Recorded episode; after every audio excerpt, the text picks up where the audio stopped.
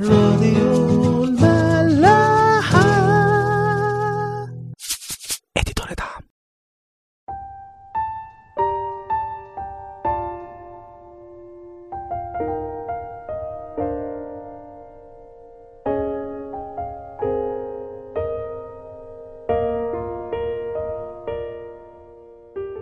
مساء الخير. أهلا بيكم في حلقة جديدة من عيش وملح. النهارده هنكمل مع بعض حلقات المزامير وهنتكلم على مزمور جديد المزمور 26 من مزامير داوود. بيقول المزمور اقضي لي يا رب لأني بكمالي سلكت وعلى الرب توكلت بلا تقلقل.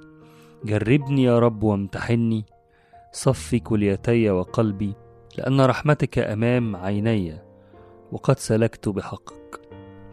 هو في الحقيقة المزمور ده بيقال إن كتبه داوود في وقت لما كان بيتعرض لمؤامرة كبيرة قوي وكان هربان من ابنه إبشالوم وفي نفس الوقت كان الشعب شعب إسرائيل بيطلع على داود إشاعات كتير وأكاذيب كتير قوي. وفي مزامير كتير داود كتبها وسط الضغط ده وسط التجربة دي. فبيقال إن المزمور ده اتكتب في الوقت ده وكان فعلا الشعب مطلع عليه أكاذيب كتيرة قوي وتهم وحاجات كلها باطلة. فعشان كده هو بيبتدي المزمور وبيقول لربنا اقضي لي أو احكم لي. اقضي لي يا رب لأني بكمالي سلكت. فهو هنا بيطلب من ربنا إن هو يحكم بالعدل ليه يحكم لمصلحته لأنه بكمالي سلكت. هو بيقول لأني بكمالي سلكت. كلمة بكمالي دي هو داود هنا مش قاصد إن هو يقول على نفسه كامل كمال مطلق. لكن هو بيقول لربنا أنا ما عملتش الغلط اللي هم بيقولوا عليه ده. التهم اللي هم بيتهموني بيها دي تهم باطلة. وبالتالي أنا سلكت في طريقي بخصوص المواضيع دي أو في يعني من جهة المواضيع دي سلكت بالكمال ما غلطتش الغلطات دي. فبيصرخ لربنا وبيقول له احكم لي اقضي لي بالحق لأن أنا عليك توكلت. ماليش حد غيرك أقدر إن أنا أتسند عليه وأصرخ إليه في المحنة دي. يجي في الآية 2 و3 ويقول جملتين أو آيتين فعلا يوصفوا لنا ليه داود اتقال عليه آية جميلة قوي. بتقول وجدت داود ابن يسى رجلا حسب قلبي الذي سيصنع كل مشيئتي. ودي طبعا عن لسان ربنا. الآيتين دول لو فكرنا قد إيه داود بيتكلم بفكر عالي قوي ومتطور قوي في علاقته بربنا. نعرف ليه ربنا بيقول على قلب داود حسب قلبه وإن داود رجل الله وهيصنع مشيئته. ليه؟ هنا داود في ضيقة في محنة في محنة ضخمة جدا بالنسبة له وعايش في أزمة كبيرة. لكن في وسط أزمته هو عارف إنه ربنا بيحبه ودي حقيقة. وإن ربنا رحيم جدا بيقول له لأن رحمتك أمام عيني.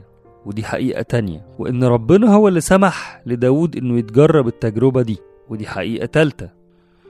والحقيقة الرابعة والأهم إنه ربنا طالما سمح لداود بالتجربة دي فهو بيجربه علشان ينقيه. فبيقول له في الآية 2 جربني يا رب وامتحني صفي كليتي وقلبي. امتحني دي كلمة بتتقال على المعادن وخصوصا المعادن النفيسة زي الذهب والفضة بيقولوا إن هي بتمتحن بالنار. بتمتحن بالنار يعني بتخش في نار علشان تتصفى وتتنقى أكتر من الشوائب اللي فيها.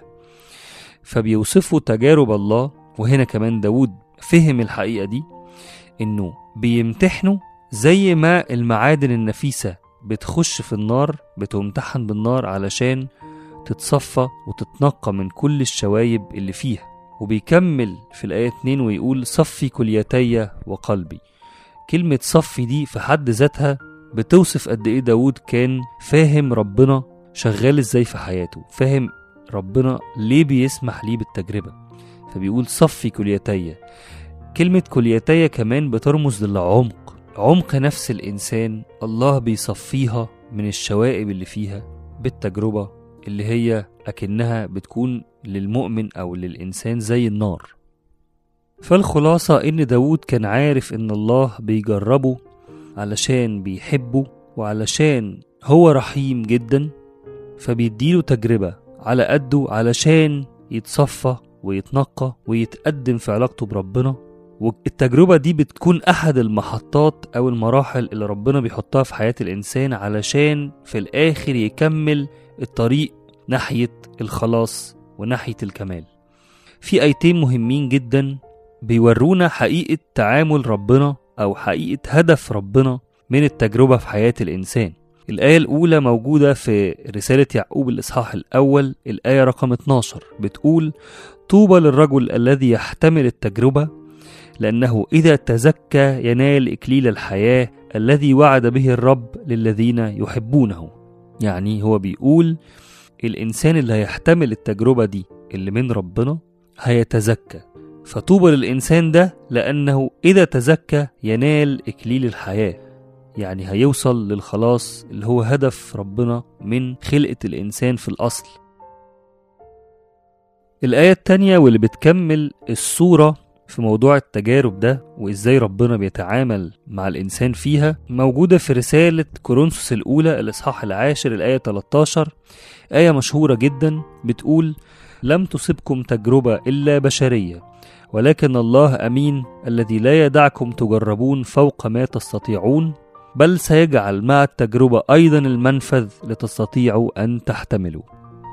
ودي الآية اللي بتدي للإنسان أمل ورجاء في ربنا وسط التجربة إنه ربنا مش هيخلي التجربة دي تهلك الإنسان ومش هيدي للإنسان أي تجربة ما يقدرش يستحملها. لأن هدف الله من تجربة الإنسان هو حاجة إيجابية هو إنه يتزكى وإنه يتقدم وإنه يتصفى علشان يوصل للخلاص والكمال.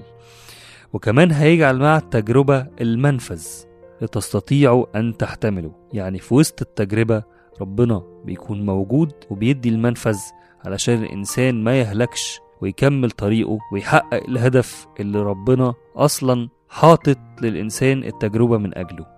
هتفرق كتير قوي في حياة كل واحد فينا لو وسط ما هو في تجربة فكر أو افتكر إن ربنا بيحبه وإن ربنا رحيم جدا. وإنه ربنا هو اللي سامح بالتجربة دي علشان خير الإنسان وعلشان خلاص الإنسان علشان ينقيه ويصفيه من كل الشوائب اللي معطلاه في حياته الروحية علشان يقدر إن هو يحقق هدف ربنا من حياته. هتفرق كتير قوي لو الإنسان حس إن ربنا بينقيه علشان يتزكى وينال إكليل الحياة. وهتفرق كتير كمان لو عرف إن ربنا مهما كانت تجربته صعبة التجربة دي على قده وعلى مقاسه وربنا مش ممكن يدي إنسان أي تجربة مش هيقدر يستحملها لأن دايما هدف ربنا في حياتنا هو الخير لينا والخلاص والحياة الأبدية. هسيبكم مع ترنيمة نقي قلبي وأشوفكم الحلقة اللي جاية.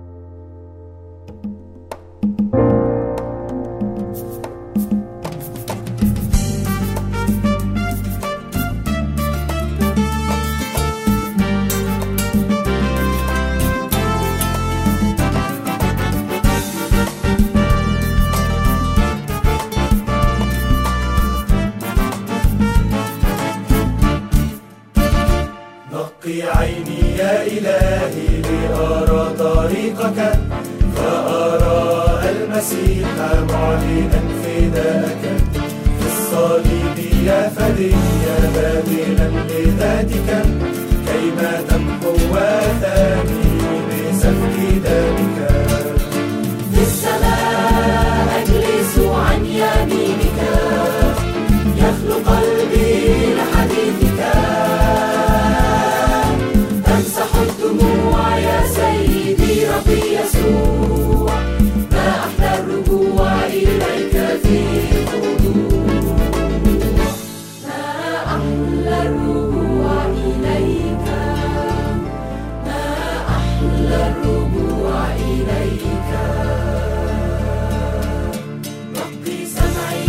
نقي